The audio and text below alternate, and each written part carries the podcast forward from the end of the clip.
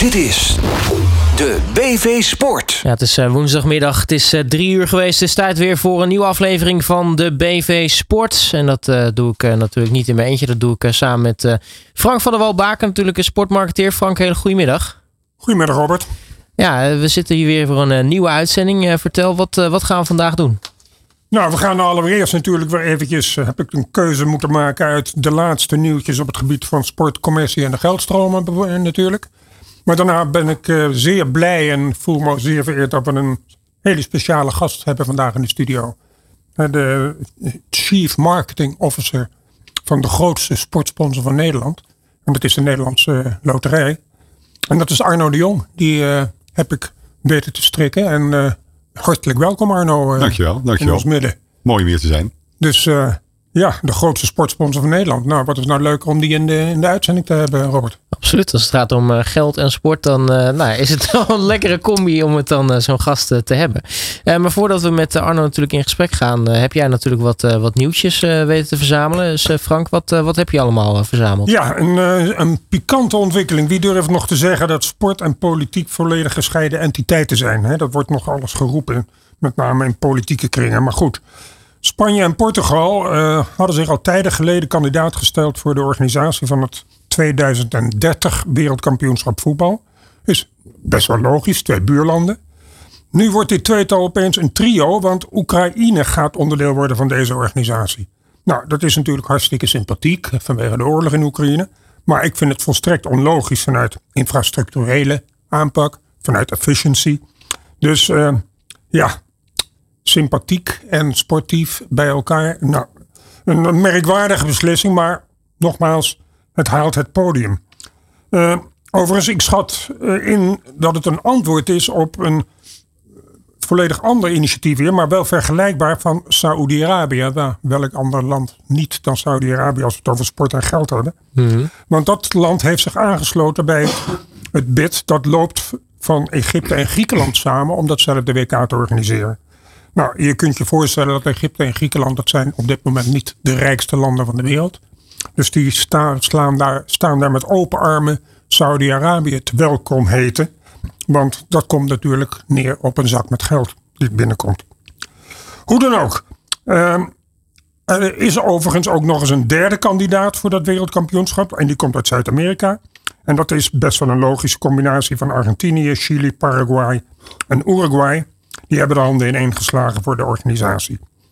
Overigens, volgend, uh, volgend jaar valt de beslissing daarover. En in 2026, want dat hebben we nog een wereldkampioenschap na het aanstaande wereldkampioenschap in Qatar. In 2026 wordt het WK gespeeld in de Verenigde Staten, Canada en Mexico. En om alles toch nog een beetje gekker te maken, dan heb ik het over Saudi-Arabië. Dat land, het is toch een woestijnland, tropisch land, mhm. is officieel aangewezen om de 2029 Aziatische Winterspelen te organiseren. ja, je hoort het goed, Winterspelen.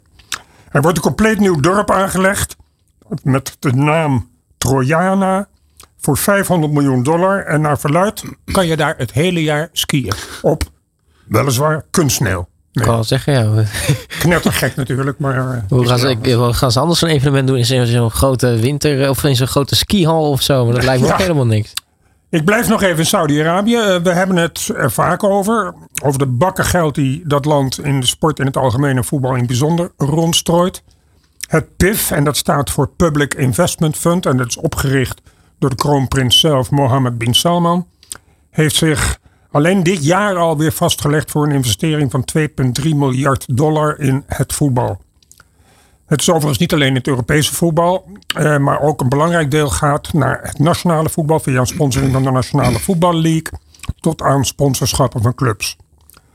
Overigens heeft een aan de PIF gelieerd online e-commerce bedrijf Noon geheten, getekend als mouwsponsor van de voor dat, door datzelfde PIF gekochte Newcastle United voor 350 miljoen eh, dollar. Uh, en sinds de koop van die club is er voor de 220 miljoen aan nieuwe spelers gekocht. En wordt er, as we speak, gesproken over een naamskoppeling aan het St. James Park Stadion van Newcastle United. En wordt er gesproken over een uit de hoeken van de PIF komende nieuwe shirt sponsor. Ja. Dus uh, alles bij elkaar, de wedloop van Newcastle United onder leiding van Saudi-Arabië om ja, de hoogte te halen van Manchester City en Liverpool en Chelsea is volop in gang. Maar de, de F1 was toch bezig met zo'n soort regel waardoor uh, zeg maar dat soort gekke sponsorbedragen of irreële sponsorbedragen vanuit uh, nou, bijvoorbeeld uh, conglomeraten als dat PIF bijvoorbeeld, dat, ja. dat, dat dat niet mogelijk zou kunnen zijn in Engeland. Want ja, 350 miljoen voor een mousepol. Wat staat er bij Paris Saint-Germain op het shirt? Qatar Airways. Wat staat er bij Manchester City op het shirt? Etihad Airways. Ja. Dus er komen allerlei sluiproutes natuurlijk weer om de hoek kijken. En uh, spelers die heel veel betaald krijgen, die komen voor een belangrijk deel op de loonlijst te staan van een sponsor.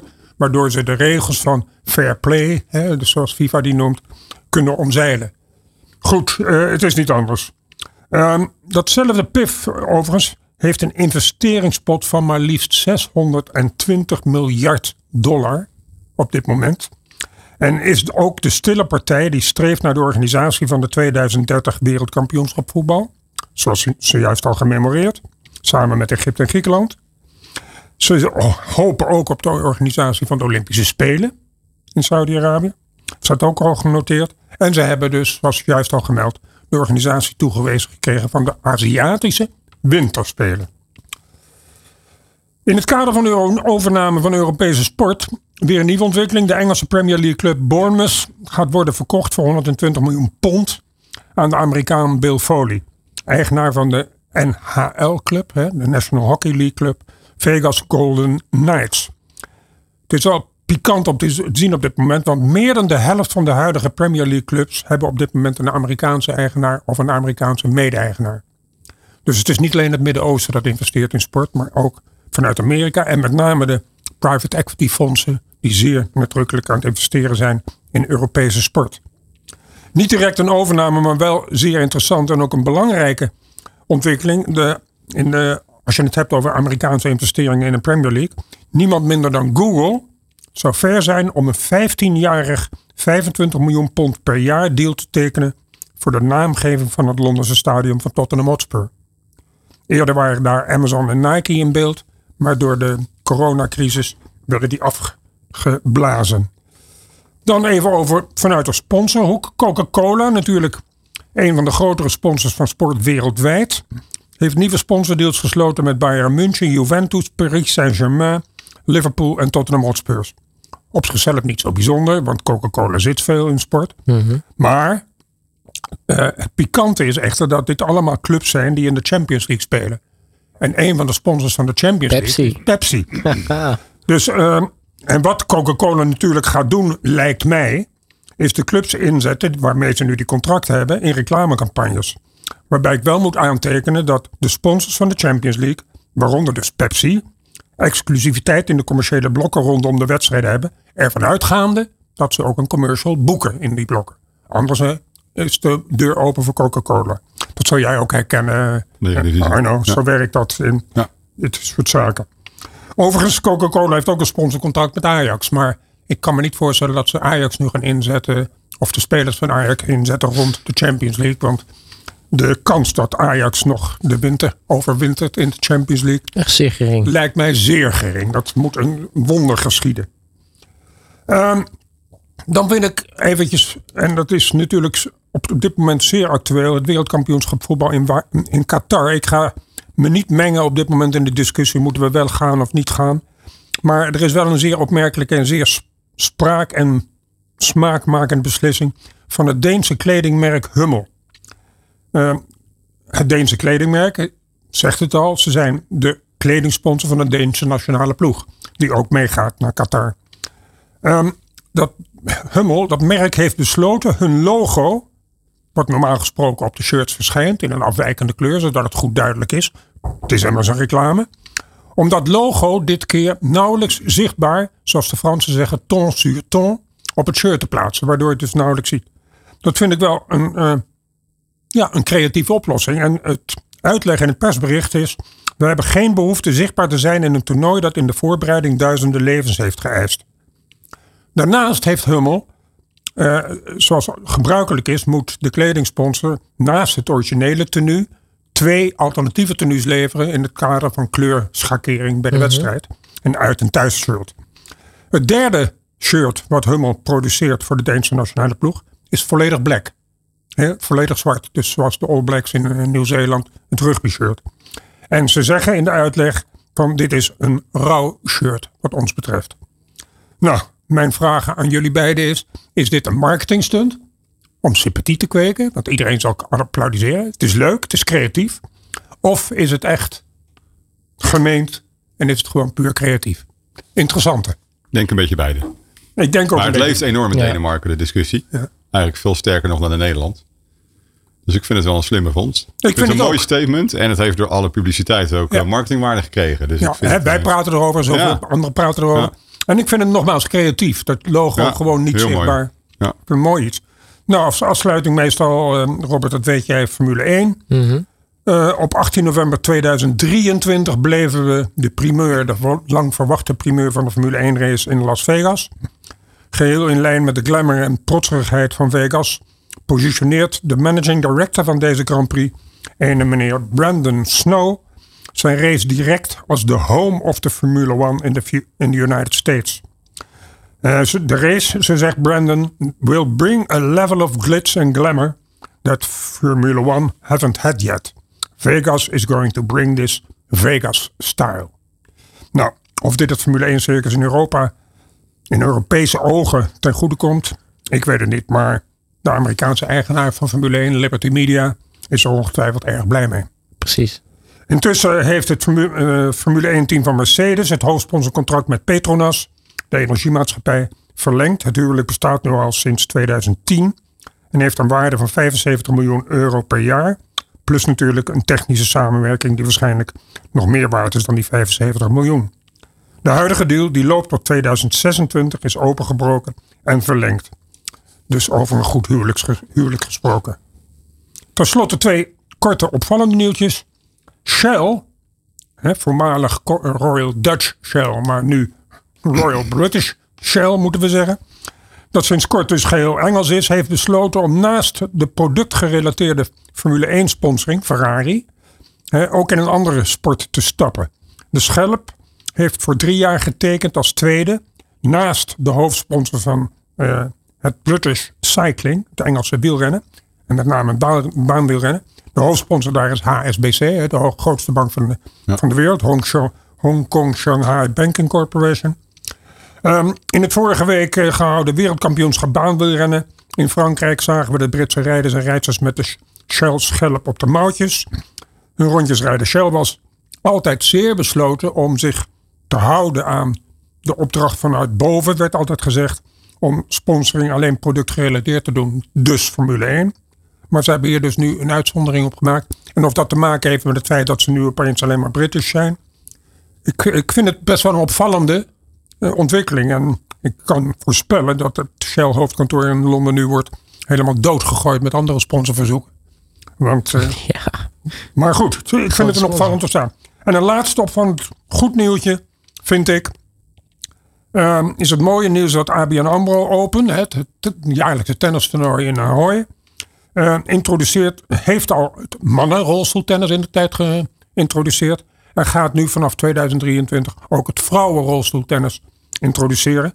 En daar zal ongetwijfeld Esther Vergeer als toernooidirecteur van het rolstoeltennis een belangrijke rol in hebben gespeeld. Ik vind het een, eh, een applaus waard voor ABN AMRO, waarin ze altijd al een vooruittrekkende rol hebben, of voor, ja, een vooruittrekkende rol hebben gespeeld in de ontwikkeling van het tennis. Dus eh, een applausje voor ABN AMRO. Ja, misschien eh, ook weer een, eh, een stap dichterbij dan eventueel ook nog een, een WTA-toernooi erbij. Ja, ik heb, de, maar dan moeten ze de duizend status hebben. Ja, ik heb dat al vaker besproken met Ernst Boekhorst van ABN AMRO en ook met, met Jolanda Mulder van, eh, van Ahoy. Zij willen het allebei graag. Hè, maar daar moet je een duizend status voor hebben. En dat, ze zijn voorlopig 500 status, 500 punten. Eh, maar ze hebben wel een aanvraag ingediend voor de 1000 punten status. En de naam is ook sinds kort veranderd. Hè. Het was het Ja. ABN AMRO WTT-toernooi. Het is nu ABN AMRO Open. Dat eh bekt trouwens ook wel wat lekkerder eigenlijk. Ja, bekt veel lekkerder. Nou, top. Dat was hem eh, qua nieuws, eh, Ja. Frank. Ja. Nou, dan gaan we zo meteen in gesprek met eh, onze studiogast van vandaag. En dat is dus eh, de CMO van Nederlandse Loterij, Arno de Jong. Dit is De BV Sport. We waren vandaag eh, dus eh, te gast is bij ons eh, Arno de Jong van de Nederlandse Roterij. Eh, ja, Arno, nogmaals welkom in de studio. Dankjewel. Ja, hoe is het om eh, nou een van, eh, of misschien wel de grootste sportsponsor in Nederland te zijn? Hoe dat is. Ja, hoe Ja, dat, dat, ja, Nou, sport was voor mij wel een belangrijke reden om een Nederlandse loterij te gaan werken. Want voordat ik hier werkte, werkte ik bij de Eredivisie. Onder andere Eredivisie Live in Nederland gelanceerd. De conversie naar Fox Sports gedaan. En sport is iets wat mij altijd beweegt, zowel zakelijk als privé. Dus als je dan met je marketing skills bij een organisatie kan werken die eigenlijk de grootste financier is van sport in Nederland, dat is wel heel erg gaaf. En je noemt het sponsor, dat wil ik misschien toch een klein beetje nuanceren, want onze rol is tweeledig. Aan de ene kant is NOC-NSF aandeelhouder, als het ware, van Nederlandse Loterij. Dus ze krijgen gewoon een bepaald percentage van onze winst, van ons eh, resultaat. Eh, en dat is ongeveer 50 miljoen euro per jaar. Dus ze zijn echt direct betrokken bij onze organisatie. En daarbovenop hebben we nog allemaal sponsorrelaties. Zoals Team NL, Eredivisieclubs, eh noem maar op. Dus dat is hartstikke mooi. Dus je bent gewoon, eh, aan de ene kant zijn we gewoon hard bezig om kansspellen te ontwikkelen. En aan de andere kant staan we met, met een ander been in de Nederlandse sport. Dus ja, dat is, als je sportliefhebber bent, is dat een mooie klus.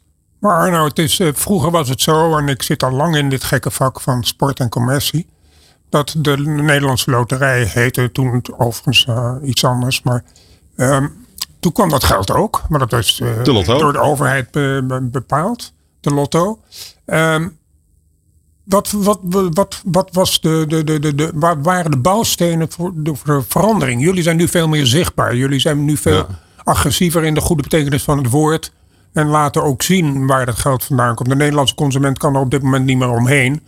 Wat voor, voor sporten we ook zien. We zien Nederlandse loterij op de shirt staan. Wat ik een hele goede ontwikkeling vind. Want jullie eh, doneren 50 miljoen per jaar. Dus dan, dan mag je wel wat voor terugkrijgen. Je- waar jij naar refereert is de Lotto. Hè? Want dat was, eh, voordat Nederlandse Loterij er was, eh, was het Staatsloterij en de Lotto. En die twee bedrijven zijn Nederlandse Loterij geworden. Lotto deed daar inderdaad veel minder aan. De Lotto-organisatie had niet echt een corporate brand. Hè, zoals we bij Nederlandse Loterij wel hebben. Eh, was heel erg op de spelmerken gericht en veel minder op de purpose van de organisatie. En wij geloven nu dat je eigenlijk geen organisatie meer kan runnen zonder heel duidelijk purpose. Notabene, wij hebben dat purpose al, al die jaren in ons zitten. Hè? We hoeven het niet te bedenken. Wij zijn er voor de Nederlandse sport. Dus als je zoiets moois hebt, ja, waarom zou je dat, dat dan niet groter uitdragen? Terwijl het wel zo blijft. Mensen spelen gewoon staatsloterij vanwege de jackpot hoor. Eh, maar het is wel een heel prettig gevoel dat als je niet wint, dat, dat gebeurt ook incidenteel, eh, dat het geld dan wel goed terechtkomt. En dat is, dat is deels bij de Nederlandse sport. Dus in die zin heeft het echt voor ons ook toegevoegde waarde. Dus dus vanuit de overtuiging dat ons purpose waarde heeft. En het heeft ook indirect eh, commerciële waarde naar onze spelers toe. Ja, jullie zijn een, een staatsbedrijf. De, de regering bepaalt eh, dat dat geld naar de, naar de sport toe moet. Het is niet alleen sport. Hè? Jullie hebben ook. We zijn een staatsdeelneming, maar NOC, NSF en 18 goede doelen zijn ook aandeelhouder in ons bedrijf. Dus Die is niet 18 goede doelen zijn geen sport do- doen. Nee, daar zit, er zit wel beweging. Dus we proberen dat ook vaak te koppelen. Eh, bijvoorbeeld KWF koppelen aan sport. De Hartstichting koppelen aan sport. Zo gebruiken we commercieel ook die goede doelen. Maar ze zijn niet per se gekoppeld aan de sport. hè. Er zit ook cultuurfonds in bijvoorbeeld. En het Oranje Fonds zit er ook in. Maar het is een samenstel van de Nederlandse overheid via het ministerie van Financiën. Dat is de grootste aandeelhouder. En twee kleinere aandeelhouders. Dat zijn NOC, NSF en 18 goede doelen. Maar de impact die we hebben op Nederland is eigenlijk het grootst in de Nederlandse sport. Want die 50 miljoen die wij het afgelopen jaar hebben kunnen bijdragen aan de Nederlandse sport, is ongeveer 50% van de begroting van NOC-NSF. Oh, dat is tegelijkertijd eh, 50% Dus dat is wel een hele significante bijdrage die wij, dankzij onze spelers, dankzij onze loterij en toto-spelers kunnen doen. We hebben de staatsloterij, we hebben de Toto, we hebben de Krasloten, we hebben Ja. de Lotto, we hebben de Lucky Day, we hebben de Eurojackpot, we Zo. hebben een miljoenenspel. Kan je door de boom het bos nog zien? Eh, het zijn veel merken. Maar ze hebben allemaal een rol in ons portfolio. Eh, Lucky Day is een dagelijkse loterij. Lotto is een wekelijkse loterij. Staatsloterij is een maandelijkse loterij. Nou, Krasloot heeft zijn eigen rol. En datzelfde geldt voor Toto, wat natuurlijk een heel ander spel is dan, eh, dan loterijen. Dus eh, het zijn veel merken, maar ze hebben allemaal een rol in ons eh, portfolio. Eh, denken jullie er wel eens aan dat minder is meer? Dat je misschien minder merken hebt waar je meer op kunt focussen en waardoor je... Nou, dat is een goede discussie die we gehad hebben bijvoorbeeld bij Toto. Hè, nou, Toto was natuurlijk alleen maar sport ooit. Hè, toen, toen, toen iemand voor drie, vier jaar geleden voor het eerst het idee opperde om een casino onder de merknaam Toto te beginnen. Toen dacht ik, ja, ja, maar dat kan helemaal niet. Toto is voetbal, Toto is groen, To- Toto is gras, Toto is studio sport. Maar vervolgens gingen we nadenken. Toen dachten we, ja, Toto is bijna zo groot geworden als merk.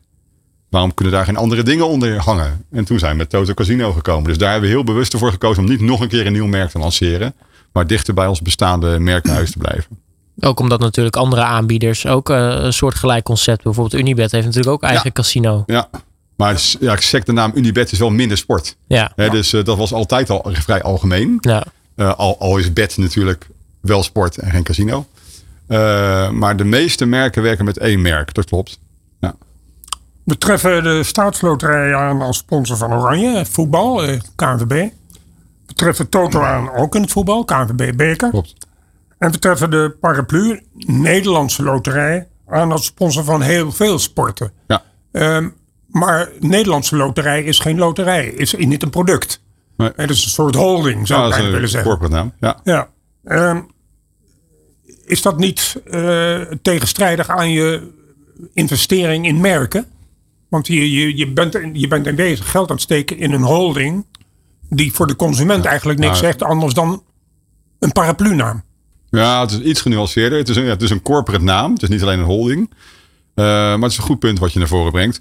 Heel even, eh KVB, dat doen we met twee spelmerken. Dat doen we met Toto en met Staatsloterij.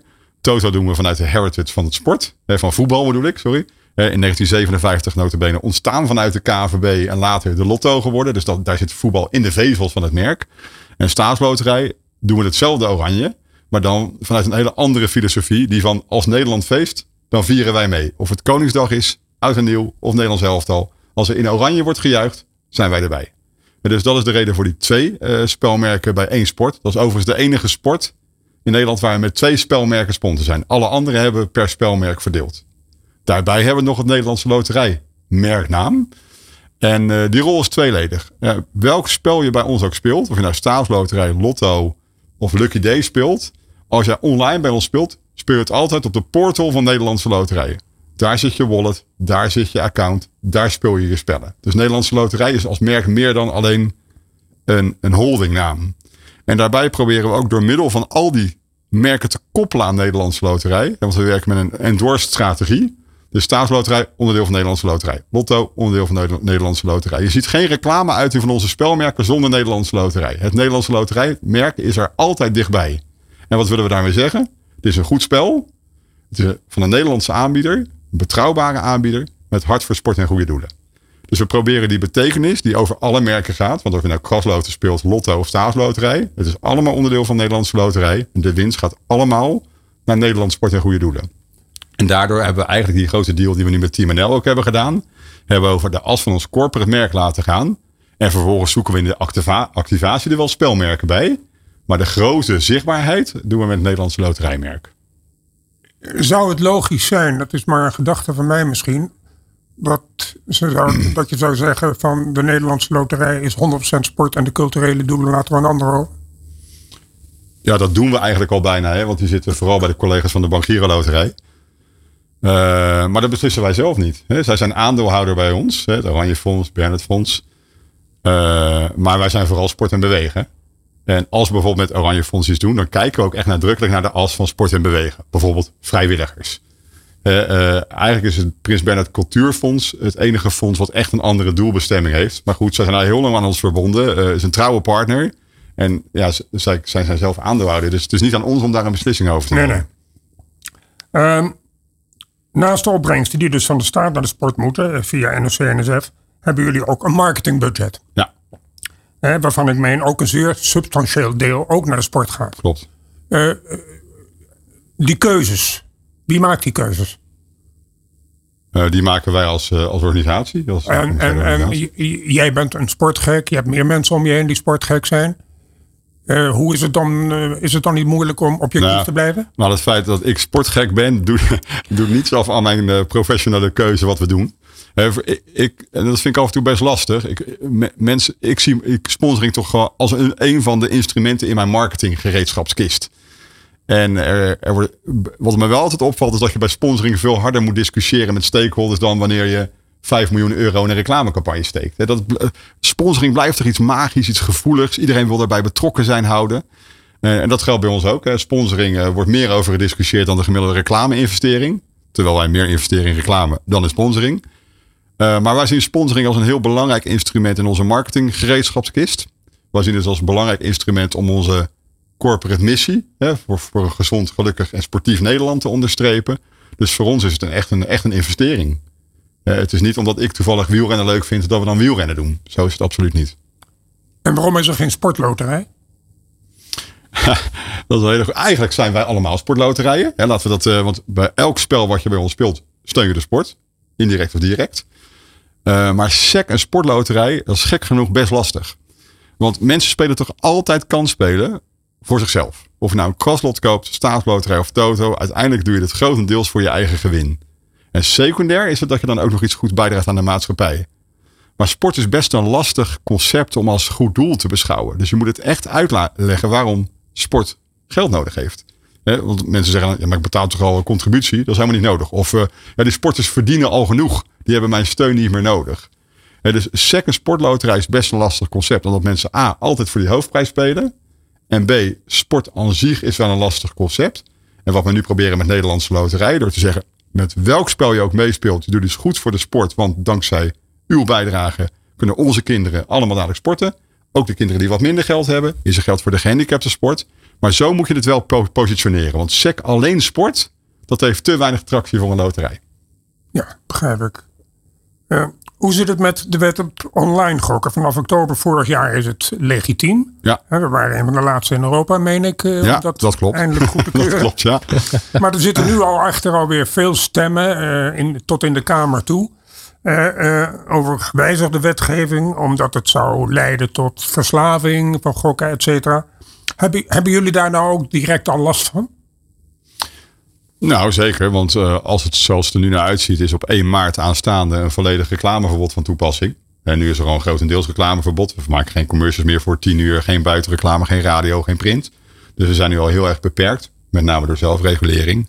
En vanaf 1 maart wordt het een totaalverbod. Dus dan zul je de Toto's, de Unibets, et cetera, niet meer zien op televisie, buitenreclame of wat dan ook. Alleen nog maar op online, op gerichte uh, media. 1 januari 2024 een verbod op sponsoring van evenementen. 1 januari 25 een verbod op alle sportsponsoring. Dus dat betekent dat na 1 januari 25 ja, de merken eh, die in de online gaming zitten bijna niet meer zicht, zichtbaar zullen zijn voor het publiek. Dus ook niet meer op kleding van. Nee. nee. Dus een, een, Nederlandse loterij is geen product, zou dat dan wel kunnen? Een Nederlandse loterij is wat anders. want dit gaat specifiek over online gaming. Eh, dus zeg maar, het is Toto versus staatsloterijen. En waarom is daar een verschil tussen de, de loterijen, de staatsloterij of de crossale, et cetera. En met name de staatsloterij, verbeeld je ze maar in. Een maandloterij, dat heeft een heel laag verslavingsprofiel. Als jij verslaafd bent aan de staatsloterij, dan kun je dat wel heel goed onder controle houden. Want je kunt een maand wachten totdat de volgende trekking er is. Dus die loterijproducten, of het nou lotto is of staatsloterij, maar ook vriendenloterij, postcode loterij. Dat zijn laag risicospellen qua verslaving. En die vallen dus onder een heel ander regime dan bijvoorbeeld sportsbetting of casino met name dat laatste, maar ook sport, dat zijn hoogrisico uh, verslavingsspellen. En die vallen dus onder een ander regime dan de loterijen. Dus er zit geen gevaar op dit moment, dreigt er aan de horizon dat... Voor loterijen? Voor de loterijen? Nee. Dat nee, het gaat specifiek over sportsbetting en casino, over online gaming. Nou, ik denk dat voor de luisteraars een, uh, nog een... Ja. En, en met een goede reden, hè, want soms roepen mensen wel eens, ja dat komt omdat jullie van de overheid zijn. Daar heeft het niks mee te maken. Het is het onderscheid tussen laag risicospellen en hoog risicospellen. En je kunt je toch voorstellen dat uh, een postcode loterij of een staatsloterij is een heel ander spel qua verslavingsgevoeligheid dan een casinospel. Ja. Maar ja, je noemde iets, ook iets interessants over uh, eh, 2025. Maar betekent dat vanaf dat jaar dus ook geen Total KVB-beker meer mogen ja, zien? Als het zoals het nu naar uitziet, uh, klopt dat. Ja. Maar dat is dan dat. Maar dat is toch wel een, een interessant geval. Want uh, de Total KVB-beker is inmiddels toch wel een beetje, nou, laten we zeggen, nou ja, een soort wij, van gemeentegoed. Ik vind dat ook heel jammer. En de vraag is of het of het, of het, of het zo verstandig is. Uh, want waarom, uh, even voor 1 oktober vorig jaar bestond er ook al een online gamingmarkt. Die was alleen illegaal. En daar speelden bijna een miljoen mensen speelden al bij aanbieders op Malta, Gibraltar, Curaçao, noem maar op. Dat waren mensen die speelden bij aanbieders waarbij de speler niet beschermd was. Waarbij de spellen niet gecertificeerd waren. Waarbij iemand die verslaafd was, misschien niet een verslaafde was, maar een VIP-player, zodat er nog wat meer geld uitgetrokken werd. Dus een totaal onwenselijke situatie. Die markt die was, die was gigantisch. 1 miljoen spelers, allemaal in het illegale circuit. Nou, de overheid kon twee dingen doen. Kun je dat afgrendelen? Nou, bij, bij online is dat best wel lastig. Of kun je dit reguleren en zorgen dat het beheersbaar wordt. En dat mensen die hulp nodig hebben ook geholpen worden. Dat je witwassen beperkt. Dat er gewoon netjes belasting wordt betaald. Dat die spellen ook kloppen. Dus er is een heel goed verhaal vanuit de overheid om dit zo te regelen zoals ze geregeld hebben. Nou, dat hebben ze per 1 oktober gedaan. Uh, en dan is de vraag, als je wil dat die mensen niet bij het illegale aanbod spelen, maar bij het legale aanbod, is het dan slim om alle vormen van marketingcommunicatie, in ieder geval de ongerichte vormen van marketingcommunicatie, reclame, sponsoring, om die te verbieden? Want als ze dat vanaf, de, vanaf het begin hadden gedaan, hadden we waarschijnlijk een merk namens Bad City nooit gekend. Dus je hebt een, bepaalde vorm van marketingcommunicatie nodig om die spellen bekend te maken, die aanbieders met een vergunning bekend te maken. Want online, als ik gewoon uh, online slots intyp in Google, kom ik nog steeds de illegale aanbieders tegen. Alleen omdat de legale aanbieders nu bekend zijn geworden, weet je dat dat goede bestemmingen zijn. En we noemen dat kanalisatie. Een van de doelstellingen van die wet was om een bepaald percentage van de spelers, dat is een heel hoog percentage, bij het legale aanbod te hebben. Nou, de vraag is even, komt die kanalisatiedoelstelling niet in gevaar als je al die vormen van marketing communicatie verbiedt? Want dan is Toto zul je in het publieke domein vanaf 2015 bijna niet meer zien. En dat geldt ook voor onze andere 20 partijen die een vergunning hebben. Mogen jullie, uh, nu is een vorm van reclame, mogen jullie sporters gebruiken als ambassadeurs? Nee, rolmodellen zijn al verboden per uh, Q4 vorig jaar. dus dat was ook de reden waarom we onze reclamecampagne zo aangepast hebben. Want we hadden natuurlijk alle bekenden van Dickie Advocaat tot uh, Royston Drenthe, nou allemaal noem maar op. Uh, rolmodellen zijn verboden vanaf eind vorig jaar. Uh, dus die gebruikt geen enkele online aanbieder gebruikt meer rolmodellen in haar communicatie. Ja. Wie beschouwen jullie, want elk, elk organisatie, elk mens heeft wel een vorm van concurrentie. Wie beschouwen jullie als concurrenten? In die online gamingmarkt? Ja. Ja, ik denk dat je vier partijen hebt die die op dit moment een beetje de kopgroep vormen qua marktaandeel. Uh, dat is uh, Unibet, Bad City, Holland Casino en Toto. Dat zijn de vier grotere spelers in de markt momenteel. En in de loterijen? Ja, dat, dat is een vrij overzichtelijke markt. Ja. Aan de ene kant heb je uh, Postcode Loterij en Vriendenloterij. En aan de andere kant heb je onze, onze spelmerken. Hebben jullie last van de Vriendenloterij? Want die zit ook in sport. Hè? Die zit met name in voetbal, eredivisie en hebben deals met clubs. Hebben jullie daar last van? Nou ja, het, is een concurrent. Dus uh, ja, last vind ik een uh, ingewikkeld woord. Maar uh, het is een, een goede concurrent. En zij doen ook goede dingen. Hè, want zij zijn ook heel erg verbonden aan, aan goede doelen. Ja. dus we concurreren met ze. Ja. En vooral nu ze met de Bank Giro Loterij en de Vriendenloterij E zijn geworden. Is het een wat grotere partij geworden. en zij steunen bijvoorbeeld jeugdafdelingen van veel eredivisieclubs. Althans, dat claimen ze. Ja, ze steunen maatschappelijke initiatieven. Ja, ze noemen zichzelf ook maatschappelijk partner van de Eredivisie. Wat ik overigens een beetje. Ja, wij zijn daar heel voorzichtig in, want wij, ondanks dat loterijen minder verslavingsgevoelig zijn, proberen wij ver weg te blijven van alles wat jeugd is. dat is gewoon een principe uitgangspunt. Ja. Kansspel is vanaf 18 jaar en ouder. Dus als het riekt naar iets wat met jongeren te maken heeft, dan houden wij meteen grote afstand. Ja. Waar is nog winst te halen voor jullie? Nou, ik denk dat er in de loterijmarkt nog winst te behalen is. Dat is een vrij uh, een markt die, die redelijk volwassen is. Hè. Daar is niet zoveel groei. Je merkt dat we nog steeds met, met hard werken die gemiddelde leeftijd van onze spelers gelijk weten te houden. Ik heb ooit in de dagbladen gewerkt bij AD en onder AD, AD Sportwereld gedaan. En wat je daar merkt, dat het elk jaar dat ik daar langer werkte, werd de gemiddelde leeftijd van de lezer ook een jaar ouder. Nou, dat is natuurlijk levensgevaarlijk, want dan kun je ongeveer uitrekenen waar het eindigt. Gelukkig heeft de DPG hard ingezet op digitalisering en hebben een heel ander profiel gekregen. Bij loterijen zie je dat we nu heel erg moeten werken om die gemiddelde leeftijd nog gelijk te houden. Dus wij vergrijzen niet. Maar je ziet natuurlijk wel dat je steeds harder moet werken om die gemiddelde leeftijd uh, uh, gelijk te houden. Dus ik denk dat we wel wat innovatie nodig hebben in de loterijmarkt. Het zijn allemaal vrij gevestigde merken die er al jarenlang zijn. Dus daar zullen we met name door innovatie en vernieuwing nieuwe klantgroepen groepen moeten, moeten, voor ons moeten winnen in die loterijen. En online gaming, ja, we zijn nu net een jaar bezig. We, we, zijn marktleider. We hebben een fantastische positie eh, verkregen. Die willen we vooral behouden. Ik verwacht dat er ook nog partijen bij gaan komen eh, de komende maanden. Dus dat wordt, eh, dat wordt een stevig competitieve markt nog de komende jaren. En wij zullen ons moeten aanpassen van een organisatie. Toto was, was best wel een brand-led operatie. heel veel van die online gaming aanbieders zijn heel erg op CRM en product en bonusing. En wij hadden met Toto echt een merk neergezet met Koning Toto. Nou, je kunt je voorstellen, als je dadelijk geen communicatie meer hebt, zal dat lastiger worden. Dus wij moeten van een brand-led operatie veel meer naar een CRM-product-organisatie gaan veranderen. En dat is voor ons wel de grootste uitdaging voor de komende jaren. Ja, en plus er zit natuurlijk dan een soort van nou ja, tijdsdruk tussen aanstekens op. Want nou, in 2025 is het dus dan al zover. En dan, dan moet je het wel, dat innovatieve, uh, klaar hebben staan. Ja, maar we zijn nu ook druk mee bezig. Kijk, ons merk is heel erg sterk. En sommige mensen zeggen, ja, maar dat is toch een voordeel dat alles verboden wordt. Dat zou hetzelfde zeggen als je dat over Coca-Cola zou zeggen. Coca-Cola heel sterk merk, ja, maar dan, dan hoef je toch ook geen reclame meer te maken. Ja, dat geldt misschien de eerste twee, drie jaar zo. Maar over vijf jaar zou Coca-Cola niet meer zijn wat ze nu eh, hebben. Er is een traditioneel gezegd van ik geloof niet in reclame, maar ik koop alleen bekende merken. Ja, ja. ja heb je hem. Dus eh, nee, ik vind, het heel, ik vind het jammer dat het zo is gegaan. Want ik denk dat uh, we de zelfregulering wel heel weinig tijd hebben gegeven. Er was zelfregulering in place op de dag dat de Tweede Kamer eigenlijk dat verbod afkondigde. Dus dat was al na een paar maanden dat die markt open was. Ik vind het heel jammer dat we als branche niet wat meer de tijd hebben gekregen om te laten zien dat wij het ook goed bedoelen met elkaar. Uh, en met sponsoring geldt eigenlijk hetzelfde. Want ik heb veel met Jan de Jonge contact gehad en met de KVB van hoe gaan we dit nou goed, goed regelen met elkaar. En wat vinden we nou wel acceptabel binnen het voetbal, dan met name, en wat niet.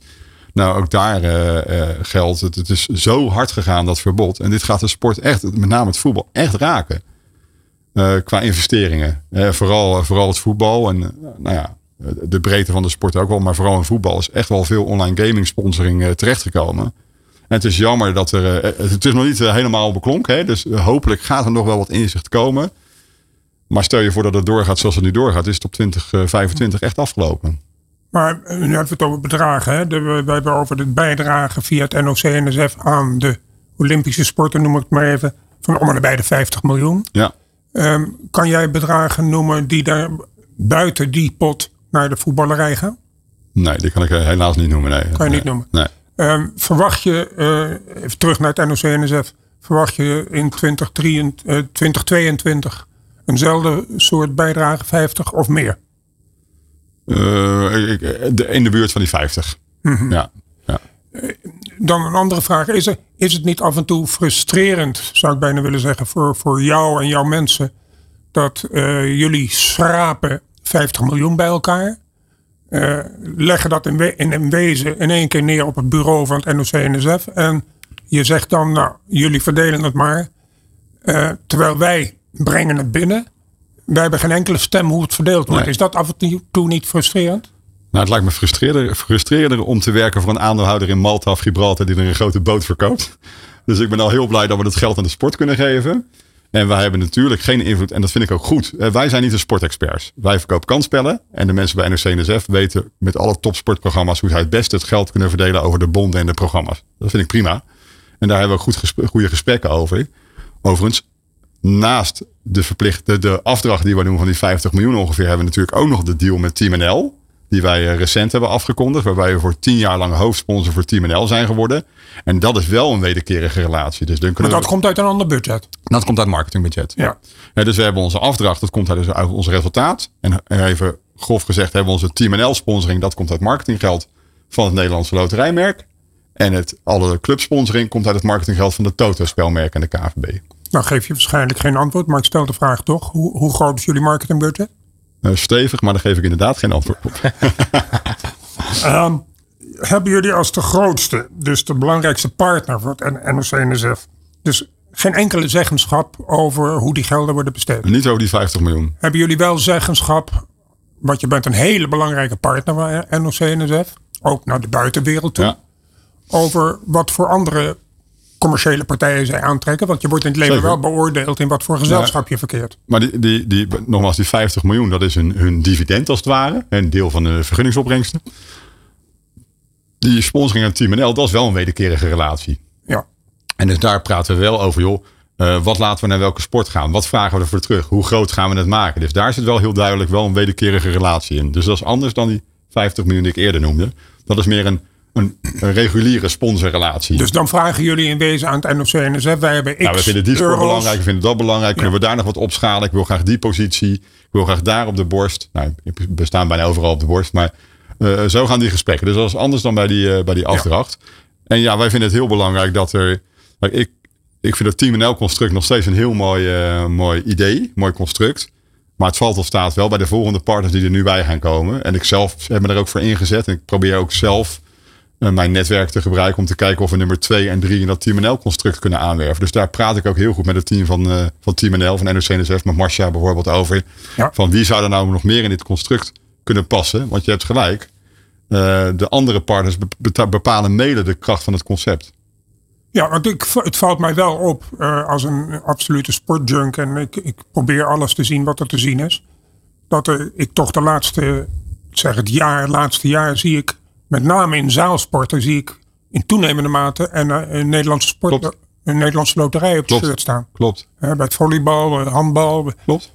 Ja, we zijn door de Team NL afspraak die we recent hebben gemaakt, zijn we in feite hoofdsponsor van 30 bonden. Uh, dus we staan uh, op de boot bij de roeiers. We staan op de borst bij de handbalmannen, uh, volleybalmannen, basketbal. Dus we zijn eigenlijk bij al die 30 bonden gewoon de grootste sponsor geworden. De hoofdsponsor vanuit het Team NL construct. En ik hoop dat we binnen nu en afzienbare tijd een tweede en een derde partner à la Nederlandse Loterij kunnen vinden.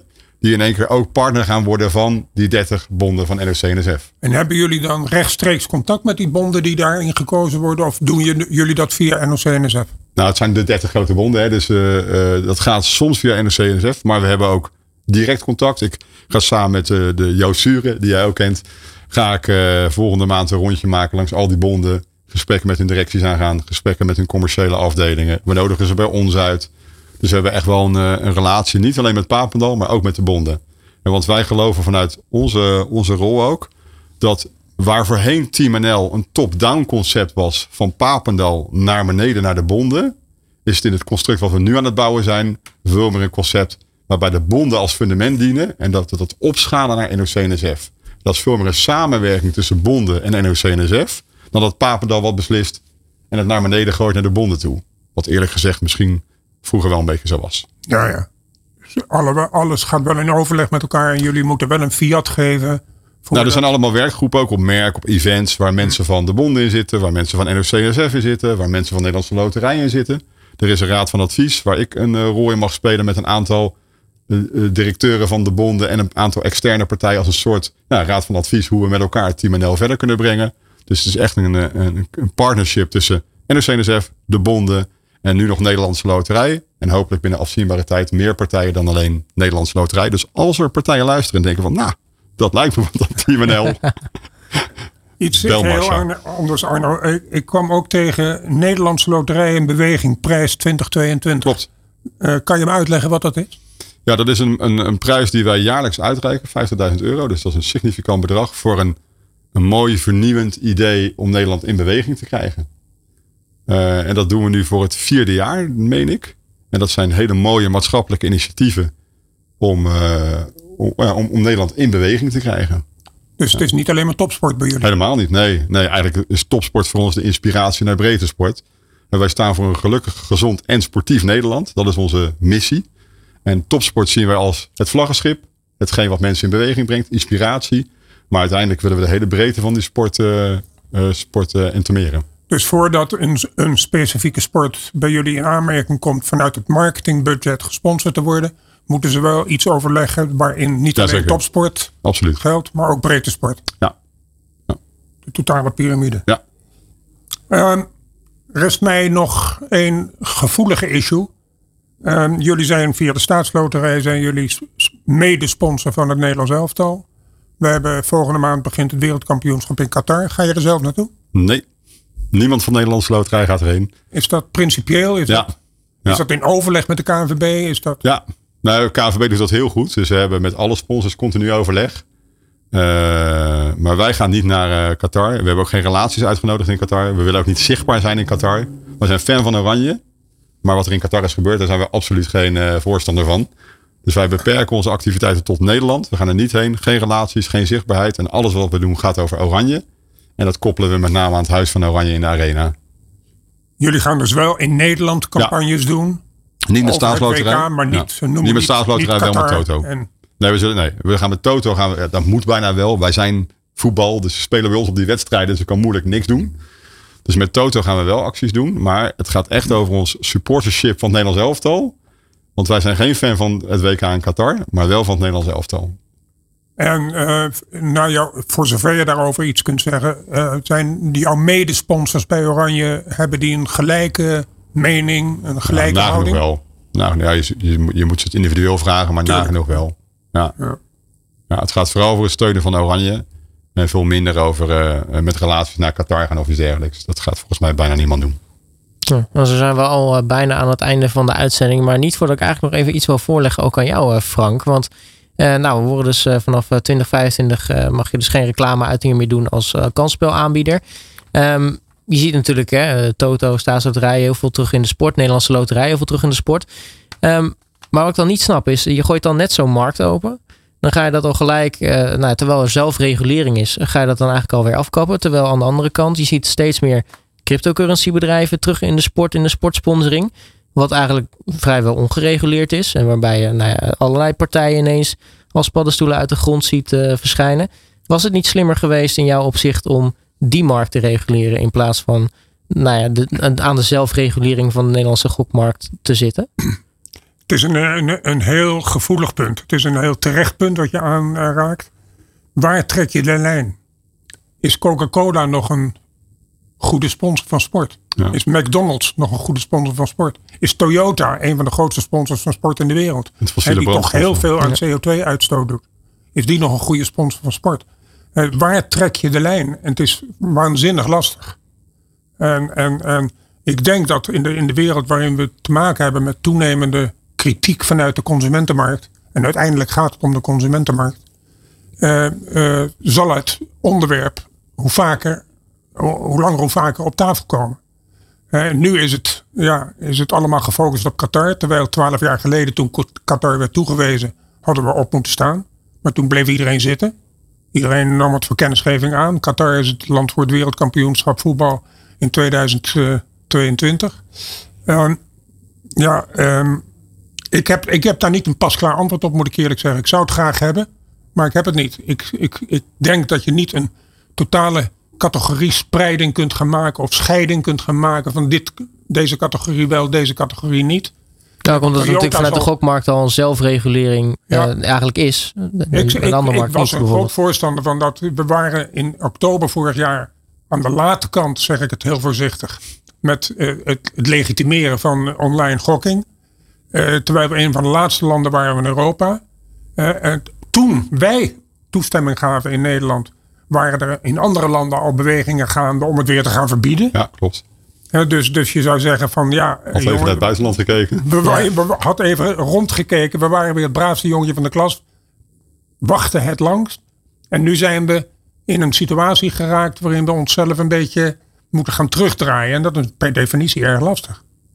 Ja, interessant, eh, interessant einde zo van deze uitzending van de BV Sport. Frank, jij natuurlijk weer eh, dank voor je komst naar de studio. Arno, jij bedankt voor je komst naar Nog de heel studio. even, even correctie op wat je laatst zei. Het gaat dus niet over de loterijen, dat verbod. Het gaat alleen over online kansspelen. Dus het Ja, is wel de Toto, toto's, maar niet ja. staatsloterij, Nederlandse Nee, loterij, et cetera. Ja. Correct. Ja. Goed dat je dat nog even eh, aanhaalt, inderdaad. Ja. Eh, nou, ja, nogmaals dank voor je komst naar de studio natuurlijk, Arno. zijn. En eh, nou, Ja, succes Arno, met... eh, hartelijk dank. Gedaan. Zoals ons een eer je te Ja. hebben. En nou, dat was het, einde van eh, de BV Sport. Eh, mocht je iets gemist hebben, dan kun je dat natuurlijk in de loop van de middag online terugvinden via de bekende platformen zoals de website allsportsradio.nl, social media natuurlijk eh, de Spotify's, Apple Podcasts en Soundclouds van deze wereld waar de podcast op eh, terug te luisteren is.